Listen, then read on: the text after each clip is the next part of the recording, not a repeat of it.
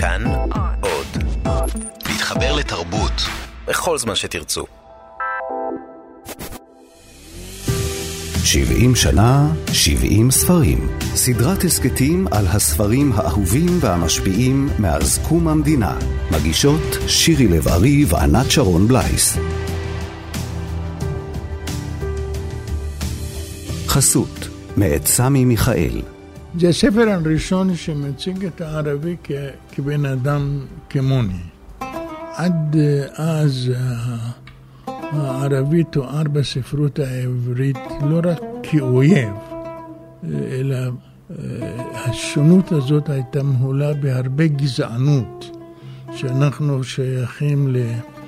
לגזע עליון, גזע הומני, גזע אינטלקטואלי, אה, ובעוד שהיריב הוא מדשדש כתת אדם, אה, כפושע, כשודד, אה, ולכן הדמות שלו השתקפה כך בספרות העברית. הסופר סמי מיכאל בן 92 השנה, וגם כיום, אחרי עשרות שנים, הוא אחד הסופרים הבודדים שהציגו את הערבים כדמויות מלאות, מורכבות ורחוקות מן הסטריאוטיפים. כמי שנולד וגדל בעיראק וחי בין ערבים שם, וגם כאן בעירו, חיפה, מעולם לא ראה את היותו יהודי כדבר הדורש גדר הפרדה. הרומן חסות ראה אור בשנת 1977, והוא מספר על שולה, חברת התנועה הקומוניסטית, שמסתירה בביתה את המשורר הערבי פתחי, שעה שבעלה מרדוך יוצא לחזית בזמן מלחמת יום הכיפורים. חוקרת הספרות דוקטור קציעה אלון מספרת על המשורר האמיתי שסיפור חייו עומד ברקע הרומן. סמי מיכאל ביסס את אה, דמותו של אה, פתחי על דמותו של אה, מחמוד דרוויש הצעיר, שחי בחיפה, והיה חבר במפלגה הקומוניסטית, והחל אז לכתוב שירה לאומית פלסטינית, וכמובן אט אט הוכר כמשורר הפלסטיני הלאומי. ואני באתי ואני יושב במערכת עיתון ערבי וסביבי אנשי רוח ערבים, כואב להם מה שכואב לי, שאפו לחברה דמוקרטית. וראיתי את העוול שנעשה להם לא רק על ידי הממשל הצבאי, אלא גם בספרות העברית. וזה הפסד ענק גם לספרות העברית וגם עיוות המציאות. יחסי היום-יום בין הערבים והיהודים החברים בתנועה מתערערים על רקע המלחמה, למרות שפתחי מוצא חסות בביתה של אישה יהודייה. פרופסור ניצה בן דוב מרחיבה על הסדק שנוצר בין השניים.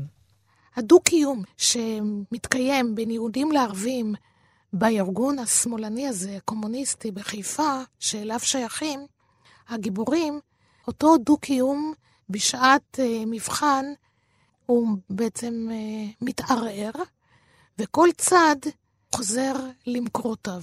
הערבים מייחלים להשמדתה של המדינה היהודית, והיהודים באותו ארגון רוצים שהצבא יצליח. ואף על פי כן, לא ראה המשורר את עצמו כמי שיוצא לקטול, אלא כמי שמקריב את חייו. הוא מעך את הסיגריה והרגיש בדחף להיטהר. יחף הלך אל חדר הרחצה ועמד שם לפני הראי, ועד שהוא מתגלח, עיין בדברים בכובד ראש. לכל דבר יש מחיר, ואפילו למשורר. אמרו על איליה ארנבורג שהוא תרם בעתו תרומה גדולה כל כך למאמץ המלחמתי נגד גרמניה, עד ששקלו את ערכו כערכה של דיוויזיה. והוא, פתחי, כנגד מה הוא שקול? כנגד חייל יהודי אחד? כנגד תותח? כנגד טנק על צוותו? במלחמה שוקלים את הדברים בפשטות אכזרית. היטב ידע את ערכו כמשורר, אבל היום, לאחר השיחה עם פואד, לא הרקיע ערכו שחקים בעיניו. השירים שכתב אומנם נועדו להמונים, אבל הוא השתדל לשמור רמה תמיד. במערכת העיתון היו ויכוחים מרים בנושא הזה. הוא סירב להיכנע. אין בשיריו הניצוץ המדליק תבערה. לא ישירו אותם חיילי עם היוצאים למלחמה. שיריו לא נועדו לעמוד תחת ברד של קליעים. בני דורו של פתחי, וכאן תמונה האירוניה הנוראה, תוצר ישראלי הם, לטוב ולרע. כאן, בישראל, אין מחנכים במפורש למלחמה. הממזרים מדברים על שלום בלבד, ועם זה הם יוצאים למלחמה בכל עשור. איש מיושבי הארץ, יהודים כערבים, לא עלה על דעתו להטיף למלחמה בגלוי. זירת ההתגוששות נערכת בדירתה של שולה, אישה המופיעה ברומן בכל הפונקציות המשפחתיות שלה, שכל אחת מהן מעמידה אותה במצב שביר. בת לאם קומוניסטית, דעתנית וקיצונית, אישה לגבר החבר בארגון השמאלני, ובכל זאת יצא למלחמה, ואם לילד מוגבל. חברי הארגון מטילים על שולה להסתיר בדירתה את פתחי, משורר ערבי ישראלי הצמוד לטרנזיסטור בתקווה לשמוע שהפעם תבוסת הצבא הישראלי תהיה שלמה וצבאות ערב ישעטו לתוך המדינה הציונית בלי מעצור ויחסלוה. כשם שהמשורר הערבי מבקש שצבאות ערב ידבירו את המדינה הציונית, כך כגבר ערבי הוא מבקש להדביר תחתיו את האישה היהודייה. שניהם שייכים לאותו ארגון שהאידיאולוגיה שלו הולכת ומתפוררת ככל שהמלחמה מתממשת. המשורר העביר בסכינו בזהירות על פניו הנאות. יאמר פואד מה שיאמר. שיריו בעלי ערך הם בכל זאת. הלא פואד עצמו לא היה זוכר בעל פה שיר קלוקל חסר ערך. הנח לשיקולים האישיים, אמר המשורר לבבואתו המגיחה מן הקצף הצחור. שיריו הם מן השירים שגאלו את השירה ואת השפה הערבית בישראל מן הניוון של הקובו לאחר מלחמת 48, ואף על פי שהם מלאים קינה ונהי, חשיבותם רבה. ראשית חוכמה בכל מהפכה היא חשיפת העוול. אנשים שאינם יודעים שהם מדוכאים, לא יעלה על דעתם לזוז, ובשירים האלה מתגלמת הפסיעה הראשונה הזאת. הוא שטף את פניו במי קולון ונשם בהנאה ושאל, אז כנגד מה אני שקול? לפחות גדוד, השיב מיד.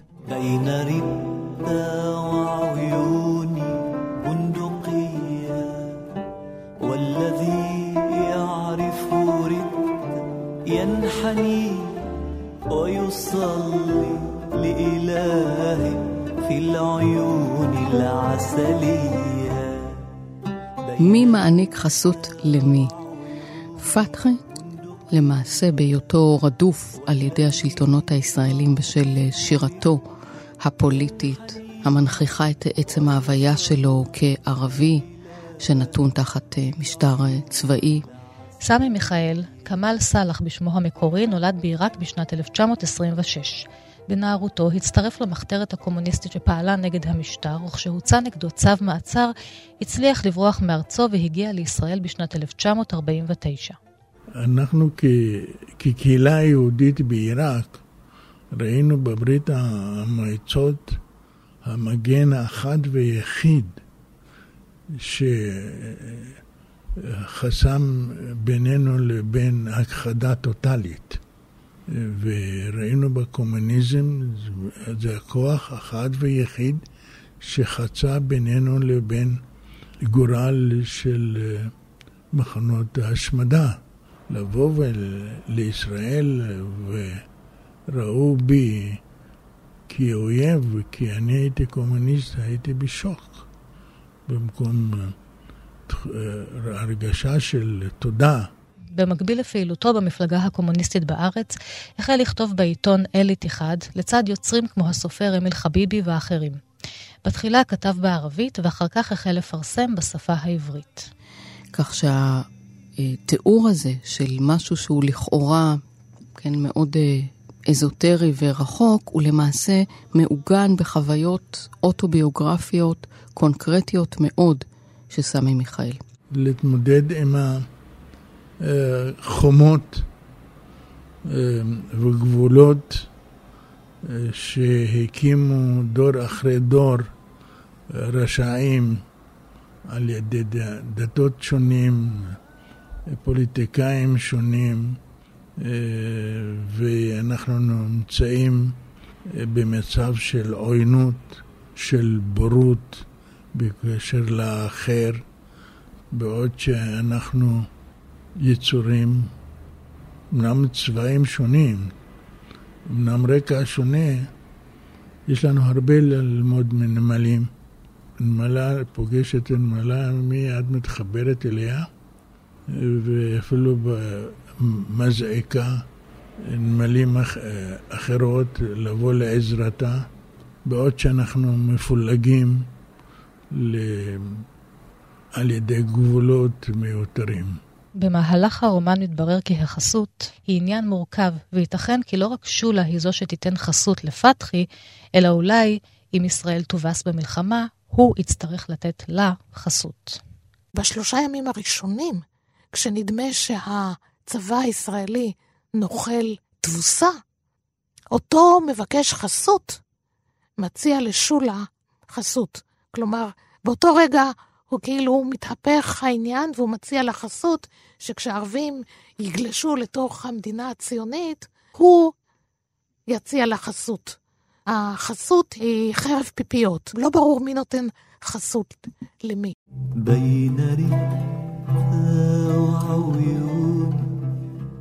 המשולש הרומנטי שמיכאל מייצר לנו הוא למעשה מעמיד את אה, שולה ומרדוך כזוג שיש בו קונפליקט מובנה מעצם אה, הבאתם לעולם של אה, בן שלוקה בפיגור שכלי,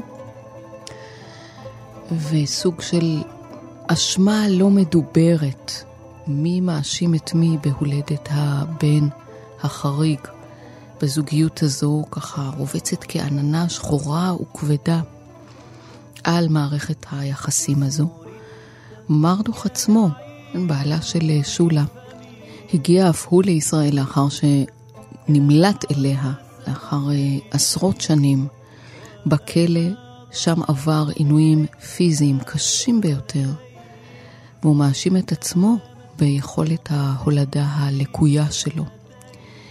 ואל תוך המערך הפרובלמטי הזה נכנס פתחי, יפה התואר, הכריזמטי, המוכשר, המשורר הפלסטיני הערבי.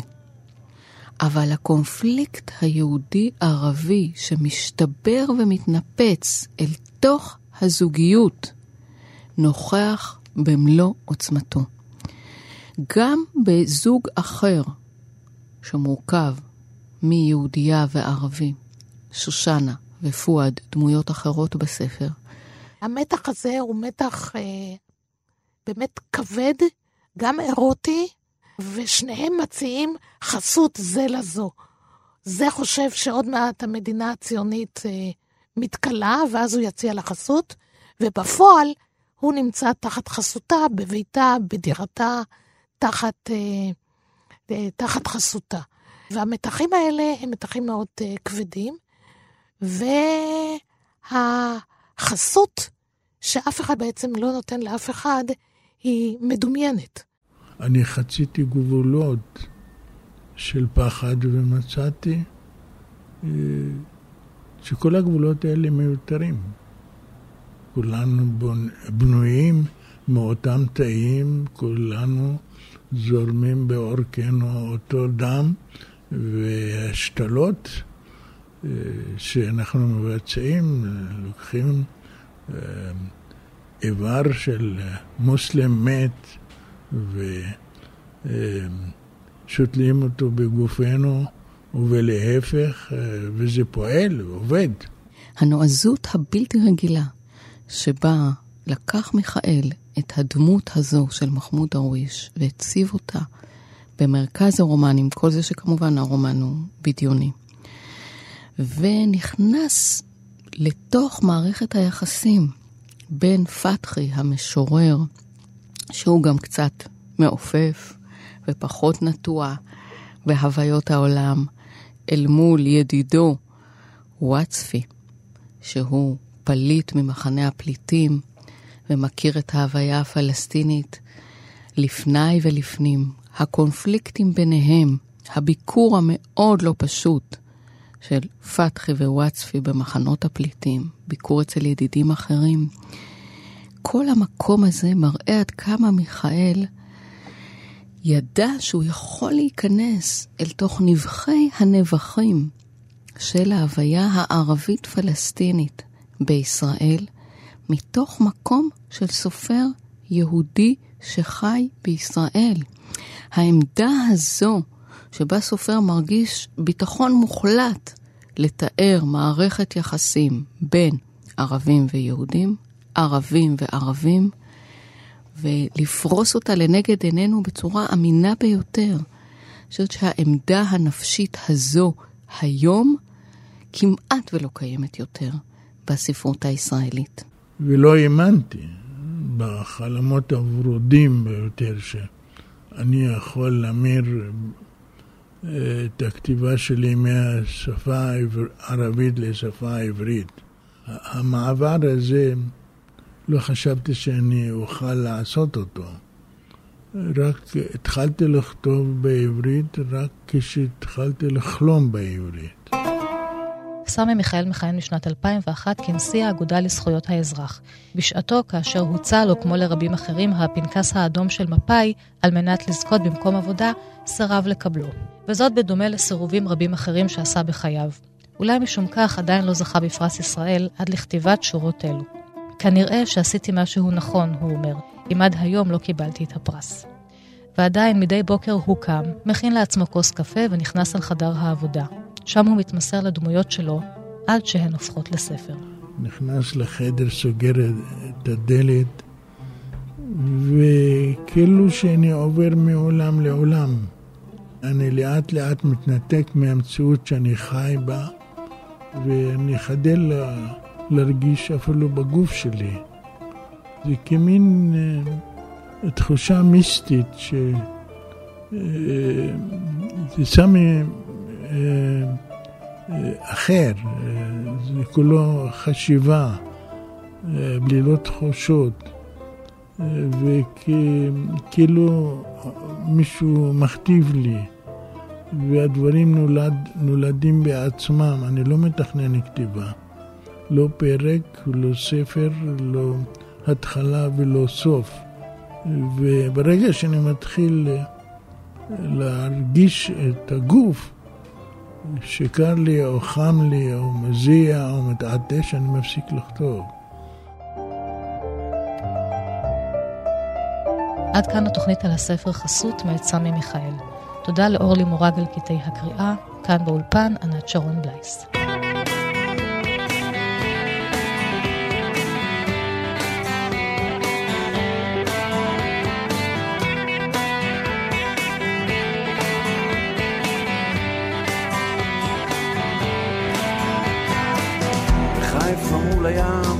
המלח עולים מתוך האדמה ושמש התוללת. פועמת רוח. בתוך שורת עצים טובלת אבן, ניטעו גברים, נשים ואלם, דיירים בבית דירות. ושמו מולדת יהודים שלא שמעתי את קולם, ערבים שלא ידעתי את פשרם, ועוד כאלה מנגינות שלא ידעתי לזהות בתוך הרגע שדמם.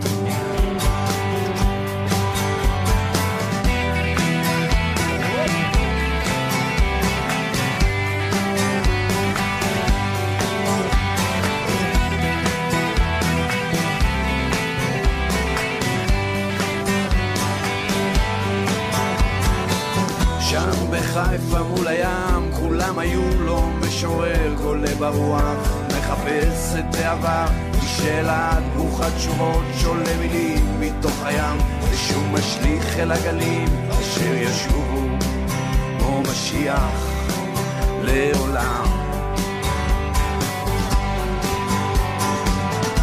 משורר חוזר לשיר שלא כתב בליל השבי, וטרם שב אל המקום אותו צייר. כילד בענן.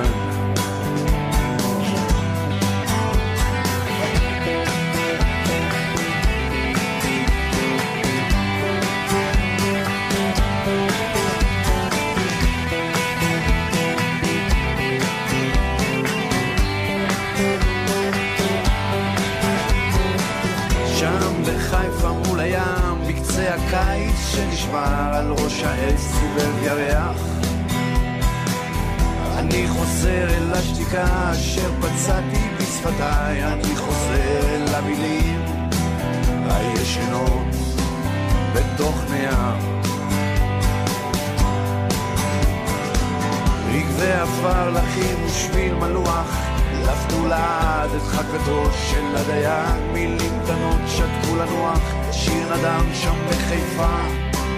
מול הים. מילים קטנות שתקו לנוח, ושיר נדם שם בחיפה. מול הים.